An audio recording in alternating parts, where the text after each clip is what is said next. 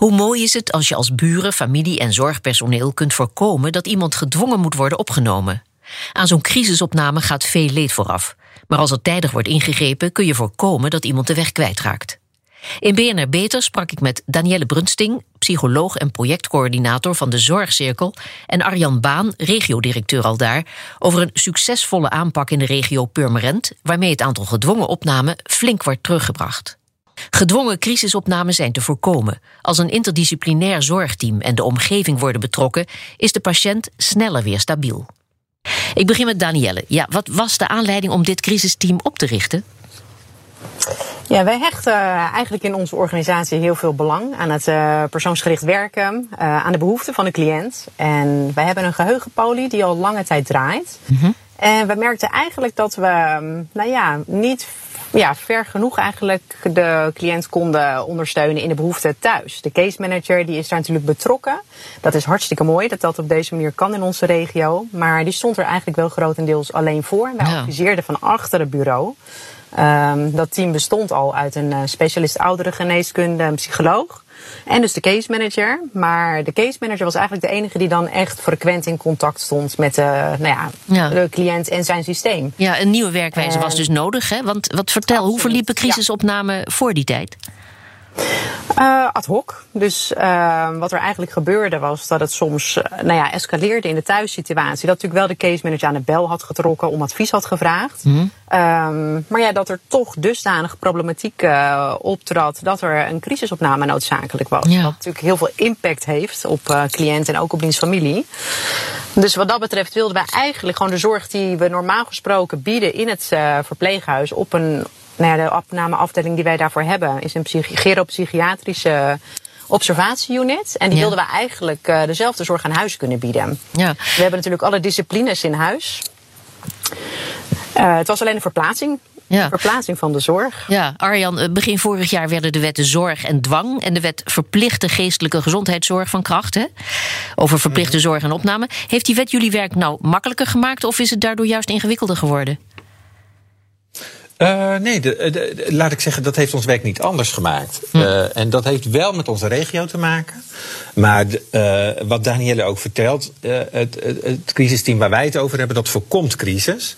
de wet zorg en dwang en de wet vrijwillige GGZ waar jij het over hebt, namelijk de crisissituatie, is op het moment dat er een crisisopname nodig is. Ja. En dan hebben wij met onze partners wel, dat moesten we wel doen. We moesten wel opnieuw afspraken maken met onze partners, omdat die wetgeving verschuift, daarmee de doelgroep ook wat verschoven. Onze verantwoordelijkheid verantwoordelijkheden. En hebben we met onze partners vanuit de GGZ en vanuit de ouderenzorg hier in de regio afspraken gemaakt over de coördinatie, over de beschikbaarheid van bedden en over de rol van het crisisteam van de GGZ. Uh, maar onze deskundigheid was daarop ingericht om deze mensen ook bij ons op te vangen. Ja, Danielle, op welke groep patiënten richten jullie je? En, en met welke problematiek hebben zij vooral te maken? Um, nou, het is vaak uh, multimorbiditeit. Dus het is een, een variëteit aan eigenlijk allerlei soorten problematiek. Waarbij natuurlijk wel voorop staat de geheugenproblematiek. Ja. Dat is wel echt uh, de kern eigenlijk waarvanuit we beginnen. Uh, maar ja, goed, logischerwijs ook bij ouderen staat dat niet op zich. En mm -hmm. is er vaak ook allerlei, nou, van alles nog aan de hand. fysiek, systeemproblematiek, van alles en nog wat. En juist eigenlijk de expertise vanuit onze organisatie op, op dat hele vlak, dus rondom de ouderen. Uh, ja, dat is eigenlijk waar we ons op richten. Dus ja. we werken ook echt met een interdisciplinair team samen. Ja, maar dat is een lastige groep hè, waar je weinig zicht op hebt. Hoe krijg je ze toch in beeld? Ja, we krijgen ze nou ja, eigenlijk via allerlei routes krijgen we ze in beeld. En uh, dat komt natuurlijk ook omdat we al een tijd lang actief zijn in de regio met onze geheugenpolie en met de case managers. Dus we hebben natuurlijk al heel veel contacten. Uh, we, hebben wat dat betreft de huisartsen vanaf het begin af aan goed betrokken. Dus die zijn uh, op de hoogte. Uh, het ziekenhuis, de transferverpleegkundigen, eerste hulp, de gemeente, noem maar op. Zelfs woningbouwcorporaties, politie, wijkagenten. Dat zijn eigenlijk allemaal mensen die aan de bel kunnen trekken. Ja.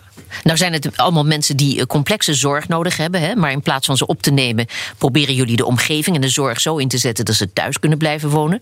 Maar zitten buren en familie wel te wachten op iemand die misschien voor buurenoverlast en problemen gaat zorgen? Ehm, nee, de buren uh, nou ja, die zitten daar misschien niet op te wachten. Wij betrekken ze daar wel echt actief in. Uh, dat is misschien niet direct de buurvrouw, maar wel iemand die daar uh, geschikt toe is. Dat kan ook bij wijze van de bakker op de hoek zijn waar de hè, patiënt geregeld komt. Of dat kan de apotheek zijn. Het kan een vrijwilliger zijn, iemand ja. die zich daarvoor aandient. Dus we proberen echt een combinatie te maken van zowel de formele als de informele zorg. Ja. En het niet alleen neer te leggen bij de buurvrouw, bij wijze van spreken. Nee. En juist de kracht zeg maar, van dat bundelen van het formele en het informele maakt het heel sterk. Ja, want in het FACT VVT-team zijn heel veel mensen betrokken, dat begrijp ik. Maar voor de duidelijkheid nog even, waar staat die afkorting voor? Uh, FACT VVT staat voor uh, Flexible Assertive Community Treatment. En dat is eigenlijk een flexibele zorg die wij willen leveren aan huis. En uh, VVT, dat is de organisatie vanuit hè, waar wij werken, verpleging en verzorging, thuiszorg. Dus dat is de, die, nou ja, onze achtergrond als zorgorganisatie, oudere specialist. En wat wij nastreven is dus die flexibele zorg bieden aan huis. En dat past natuurlijk enorm goed bij dit, ja, deze visie, bij dit team. Ja, er komt dus een heel team in actie om een crisisopname te voorkomen of uit te stellen. En die cliënt wordt geholpen zaken weer op orde te stellen. Wat mag ik me daarbij voorstellen? Wat doen jullie allemaal? Het is heel divers. Uh, we hebben enorm uiteenlopende casuïstiek. Uh, eigenlijk komt het erop neer dat we doen wat nodig is. Dus op het moment dat uh, nou ja, bij wijze van het hele huis schoongemaakt moet worden om eerst te kijken hoe de cliënt eraan toe is, dan beginnen we daarmee. er wordt alles aan basis wordt er ingezet. Dus denk aan huishoudelijke hulp, aan thuiszorg, misschien aan medicatie. Hè, de, de arts is erbij betrokken natuurlijk, als er sprake is van een fysieke component. Mm -hmm. De psycholoog is betrokken. Dus wat dat betreft is het heel breed. Dus we richten ons zowel op de somatiek als op de psyche, als op het welzijn. En dat is ook de kracht, denk ik, van het team. Ja, het lijkt ja. me heel nuttig, maar het zal toch niet altijd lukken om opname te voorkomen, hè? Nee, daar heb je gelijk in inderdaad. Dat uh, op het moment dat er natuurlijk echt zwaar, uh, sprake is van verwaarlozing en dat er uh, nou ja, medische noodzaak is, we kunnen de veiligheid thuis niet borgen, dan hebben we in ons verpleeghuis in Purmerend twee bedden achter de hand. En die zijn mm -hmm. echt geoormerkt eigenlijk als vaktbedden. Dus die zijn beschikbaar voor ons. en daar nemen we de mensen dan op op. Dat is op die eerder genoemde afdeling eigenlijk, hè, die observatieunit. Ja. En daar wordt dan de zorg voortgezet, zodat thuis de boel op orde gemaakt kan worden. We blijven ons wel richten op het weer uiteindelijk terugkeer naar huis. Um, maar tussentijds is het soms inderdaad nodig om iemand kortdurend even uit de situatie te halen, op te nemen, te stabiliseren, om vervolgens weer uh, thuis verder te kunnen. Ja, en, en als er eenmaal orde op zaken is gesteld, hè, lukt het de patiënten dan om die verbetering vast te houden of vallen ze toch weer terug? En hoe kun je dat voorkomen? Ja, het grootste deel is wel in staat om die verbetering vast te houden. Omdat we natuurlijk in de tijd dat we bij hen actief betrokken zijn, echt dat netwerk hebben verstevigd om hen heen. Zodat er ook snel aan de bel getrokken wordt en snel gesignaleerd wordt hè, als iemand weer terugvalt. Uh, op de momenten dat dat toch gebeurt, en dat is inderdaad niet altijd te voorkomen, dan worden we gewoon ons vak weer ingezet. Zijn we weer echt even heel actief betrokken. Mm -hmm. uh, en vervolgens kunnen we het weer loslaten. Dus je merkt wel dat uh, die terugval minder groot is. Ja. Dan dat we de eerste keer hebben ervaren. Dus het is soms heel kort, even heel intens. En dan kunnen we het weer loslaten. Ja. Arjan, weten mensen in de omgeving voldoende over wat de mogelijkheden zijn om iemand thuis te kunnen laten wonen? Want voor een verwarde, dementerende ouder zal in veel gevallen een, uh, een opvangplek toch de beste oplossing lijken in de ogen van veel mensen, toch? Uh, even om op dat laatste terug te komen. Ik denk in, in, in betreffende onze cliënten, uh, die blijven natuurlijk het liefst graag thuis en daarnaast ja. ook. Dus die behoefte is vrij helder en die behoefte vinden we het belangrijkst. Dus die versterken we en verstevigen we. En uh, wat Danielle ook net eigenlijk ook al aangaf, de kracht ook van FACT is ook de samenwerking met onze partners. Dus onze partners weten inmiddels, dan heb ik het over de huisartsen, onze case managers, de thuiszorg, maar ook de ziekenhuizen, die weten uh, in deze regio inmiddels goed wat FACT betekent en welke mogelijkheden er in de regio zijn. Hm. Daarin vinden wij het als de zorgcirkel in Purmerend ook van uh, groot belang om de coördinatie van zorg, om daar uh, transparantie en helderheid in te scheppen naar onze partners. Ja. En, en Danielle, zo'n begeleidingstraject hè, lijkt me ontzettend arbeidsintensief. Dat heb je al omschreven. Wat, wat vraagt het van de teamleden? Moeten die altijd 24-7 beschikbaar zijn? Nou, het liefst wel. Nee hoor. Uh, ze moeten wel uh, heel flexibel zijn. Dus het is natuurlijk wel van belang dat je heel snel kunt schakelen.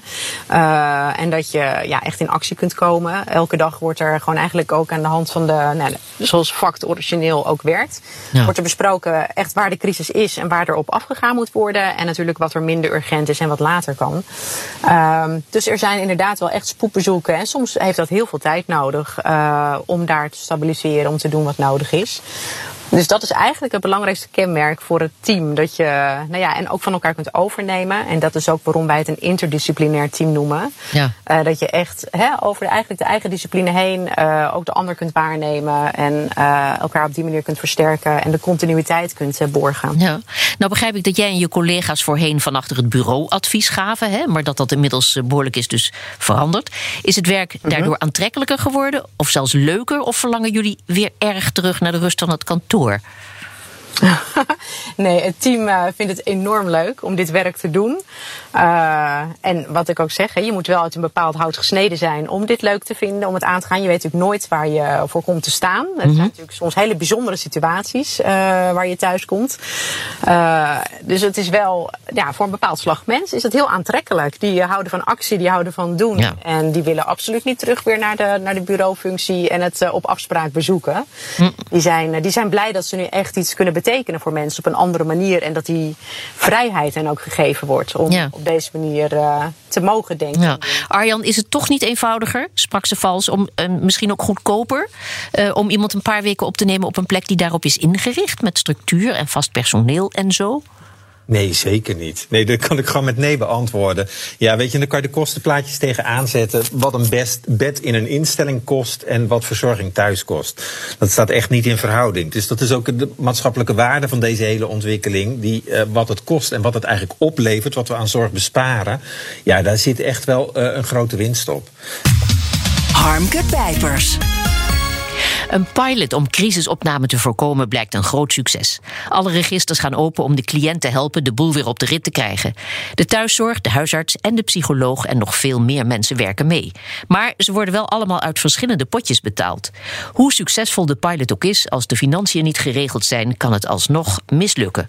Mijn gasten, projectcoördinator Danielle Brunsting en regiodirecteur Arjan Baas, verbonden aan de zorgcirkel in Purmerend, doen er alles aan om dat te voorkomen.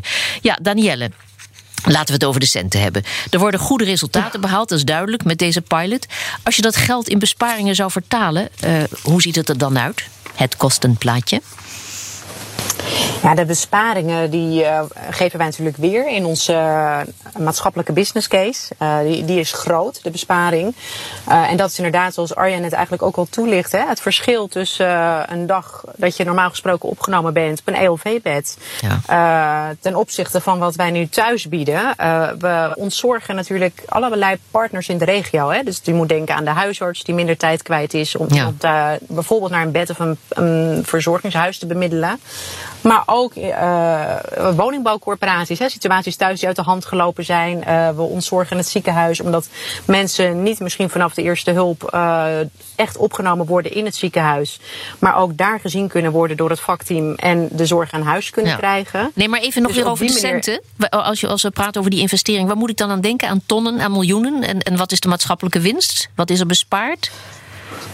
Wij hebben uh, in de business case gesteld dat er. Uh, dit is een, meer een vraag voor Arjan. Is de, nou, Arjan dan.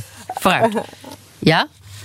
Nou, wat wij in de business case in beeld hebben gebracht, dat het ons op jaarbasis, zoals we dat nu doen voor de doelgroep waar we dat nu doen, kost het ons 300.000 euro. Ja. Uh, en levert het een besparing van 12.000 uur op. En als we dat bij elkaar, als we dat doorvertalen wat dat in een verpleeghuis kost, minus de thuiszorg die we nu wel kwijt zijn, minus dat ELV-bed, dat werd net genoemd, minus de kosten van de huisarts, dan komen we ongeveer op een maatschappelijke opbrengstijd van 2 miljoen. Fantastisch. Ja. ja. Zeg, en de uren... Even, wat even de, nou, ik wil even, want we hebben het over geld... maar ik vind de opbrengst voor de kwetsbare ouderen in deze omgeving vele malen groter. Die kunnen in hun eigen vertrouwde mhm. omgeving blijven. Ja. Die ervaren een hogere kwaliteit van leven. En dan gaat het niet alleen over de kwetsbare ouderen thuis... maar ook de naasten. Ja, maar ja, zo'n dus sommetje helpt erg om zo'n nieuwe regeling ja, door te krijgen. absoluut. Ja. Want de uren die in een cliënt worden geïnvesteerd... regelwerk, zoals rondbellen of mhm. overleggen voor een goede mhm. plek...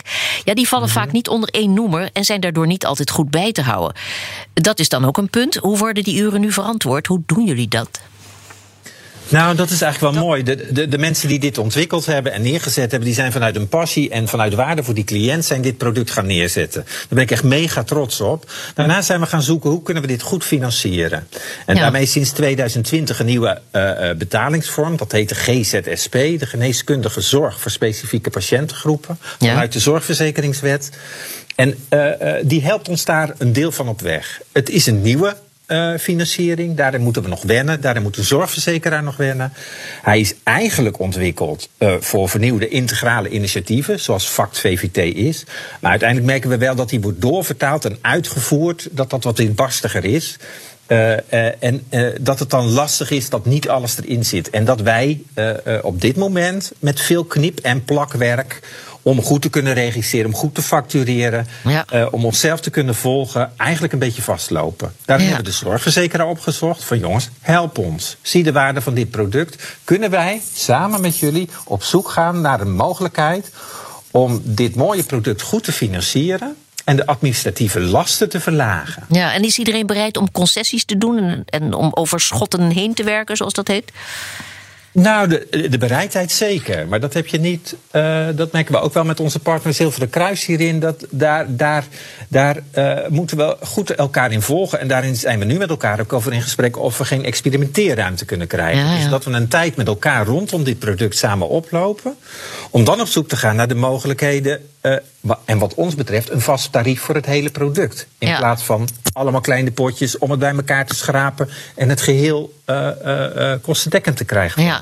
En dat, dat vertrouwen van de zorgverzekeraar wat nodig is, zodat je kunt experimenteren. Krijg je dat vertrouwen tot nu toe van die zorgverzekeraars? Gaat dat goed? Ja, ja ik, ja, ik vind dat wij op een prettige manier met onze zorgverzekeraar in gesprek zijn. En ik noem dat het Zilveren Kruis in dit gebied, maar ook de andere zorgverzekeraars hebben een interesse laten blijken omdat we ook zien dat die zorgverzekeraars zijn om rondom deze financiering ook zoekende. Ja. Uh, van hoe kunnen we dat goed doorvertalen en op zo'n manier ook uh, uh, in samenwerking met de aanbieders van de zorg regelen dat dit ook gaat werken. Dat ja. het de zorg thuis versterkt, dat kwetsbare ouderen en hun naasten op een goede en waardige manier langer thuis kunnen blijven. Ja, ik begrijp dat jullie, of ik begreep dat jullie ook met Actis in gesprek zijn hè, over een nieuwe financieringsvorm. Hoe verlopen die gesprekken? Uh, nou, Actes heeft dit, uh, onze brandsorganisatie ook op een hele prettige manier opgepakt. Die ziet ook, er is een nieuwe wetgeving. Uh, we zijn in heel Nederland zoekende over hoe we hiermee omgaan. Ja. dat heeft veel vragen, dat kent knelpunten, dilemma's, gedoe. Maar kent ook veel potentiële mogelijkheden. En met name op die energie willen we met elkaar kijken. In gesprek met de zorgverzekeraars, in gesprek met de NZA. Over hoe we dit op een goede en juiste manier met elkaar kunnen doen. Ja, en uh, waartoe leiden nu die contacten en die besprekingen? Want uh, het is natuurlijk allemaal toch heel lastig te monitoren. Verwacht je op korte termijn grote veranderingen in het vergoedingssysteem? Uh, nou, ik verwacht op korte termijn het gesprek over experimenteerruimte. Ah, ja. ik, ik, verwacht niet van een zorgverzekeraar dat hij dat vandaag of morgen. De hele beleidskaders, dat kunnen ze ook niet. Dat, dat, dat, dat kunnen ze niet alleen. Uh, maar wel dat ze binnen hun bestaande beleidskader met ons op zoek gaan. Dat ze dat op zo'n manier regelen dat wij lopende dit jaar tot een vorm uitkomen. die dit soort prachtige initiatieven uh, ondersteunt. En dan heb ik het niet over regels, dan heb ik het eigenlijk veel meer over waardegericht inkopen. Ja. Dus dan, dan heb ik veel meer ja. over het resultaat. Mijn excuus. Nee, geen excuus hoeft niet. Is niet nodig. We praten over de lijn en dat gebeurt dan. Ja, ik word er enthousiast van. Ja, heel goed.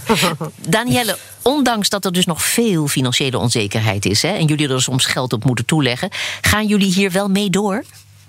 Absoluut, ja. We hebben uitgesproken dat dit voor ons echt uh, een van de producten is die we willen blijven aanbieden. En dat komt ook mede natuurlijk door de enorme enthousiaste reacties van de cliënten, van hun partners, kinderen uh, en ook van de feedback van huisartsen, van onze, ja, eigenlijk alle partners in de regio. Dus we zijn er met elkaar heel helder over dat dit een product is dat moet blijven. Ja, Hartelijk dank en heel veel succes, Danielle Brunsting en Arjan Baas. En wilt u meer weten over deze aanpak? Kijk dan op www.bnr.nl/slash beter. Zorgvernieuwers. Er zijn volop ontwikkelingen in de zorg. Nieuwe medicijnen, technieken en behandelmethoden maken het leven van de patiënt beter en het werk van de specialist makkelijker. Wat zijn de laatste innovaties?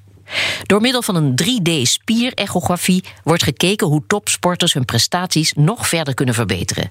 Wart van Zoest is orthopedisch chirurg bij het Sint-Anna ziekenhuis en vanuit deze functie ook clubarts van PSV. Ja, Wart, hoe werkt deze driedimensionale spierechografie? Wat kun je er allemaal op zien? Ja, het is een, het is een hele interessante, vernieuwende toevoeging eigenlijk op de gewone echo, die al veel langer bestaat en in gebruik is. En het is een techniek die ontwikkeld is door, de, door de VU, de Vrije Universiteit van Amsterdam. Mhm. En uh, wij kwamen daar met het eh, PSV Top Performance Centrum, waar het zit allemaal zorggroep PSV en Philips in samenwerken, met hun een aan, aanraking. En waren eigenlijk direct zeer, zeer geïnteresseerd. Want wat het eigenlijk doet, het, het maakt eigenlijk van een conventioneel echobeeld een 3D-reconstructie. En op die manier kun je in plaats van een klein stukje van een spier te zien, kun je de hele spier in beeld brengen. Ja, en, en die kennis kun je vervolgens gebruiken om prestaties van topsporters te verbeteren? Dat is de bedoeling. Hm. Wat, we, wat, de bedoeling is inderdaad, is dat we op die manier eigenlijk individuele profielen kunnen maken van, van topsporters. En dat we op basis van die profielen trainingen kunnen aanpassen, zodat ze beter individueler kunnen trainen. Mhm. En eh, hopelijk dan ook beter gaan presteren. Ja, en, en zou je de structuur van die spiervezels ook door oefeningen kunnen veranderen als dat nodig en wenselijk is? Ja, dat, dat is wel wat we, wat, we, wat we hopen en dat is ook wat we gaan onderzoeken. Het, dit is, een techniek is, is bekend. Um, alleen nu is het zaak om, om met als onderzoek te gaan kijken hoe de toepasbaarheid is en of het ook echt, echt zo is als wat wij denken. En dan is het idee inderdaad dat we middels het aanpassen van de training, wat andere trainingsvormen, wellicht eh, de spierstructuur kunnen aanpassen, kunnen verbeteren, zodat iedere speler op zijn positie, in voetbal, voetbal heb je natuurlijk spelers die op verschillende posities spelen en die posities die vereisen soms andere kwaliteiten, dat we die kunnen, kunnen verbeteren, waardoor ze, waardoor ze dus beter kunnen gaan presteren. Ja, en als ik aan sport denk, denk ik ook meteen aan blessures. Hè? Kun je er ook spierblessures mee voorkomen? Of zorgen dat topsporters, als het dan toch gebeurt, sneller herstellen van zo'n blessure? En dat is lastig om te zeggen, maar ik denk inderdaad op het moment dat mensen beter getraind zijn en dat we dat beter in kaart hebben, dat we zeker blessures kunnen voorkomen. En we hopen ook dat ja, de komende jaren gaan we ook in onderzoeksverband uh, de geblesseerde spieren uh, in kaart brengen op deze manier. En dan hopen we dat we wellicht ook meer informatie krijgen uh, om zodoende ze ook beter te kunnen, kunnen laten herstellen. Ja, mooi. Hartelijk dank, Wart van Soest. Wil je meer weten over de 3D-spierechografie? Kijk dan op onze site www.bnr.nl/slash beter. Tot zover deze speciale zomeruitzending van BNR Beter. Op bnr.nl/slash beter is deze uitzending terug te luisteren of on demand via de BNR-app en op uw favoriete podcast. We zijn ook op Twitter te vinden onder @bnrbeter, dus heeft u tips voor ons? Laat het ons weten. Ik ben Harmke Pijpers. En of je nu op reis gaat of bent of thuis blijft, een fijne zomer en blijf gezond.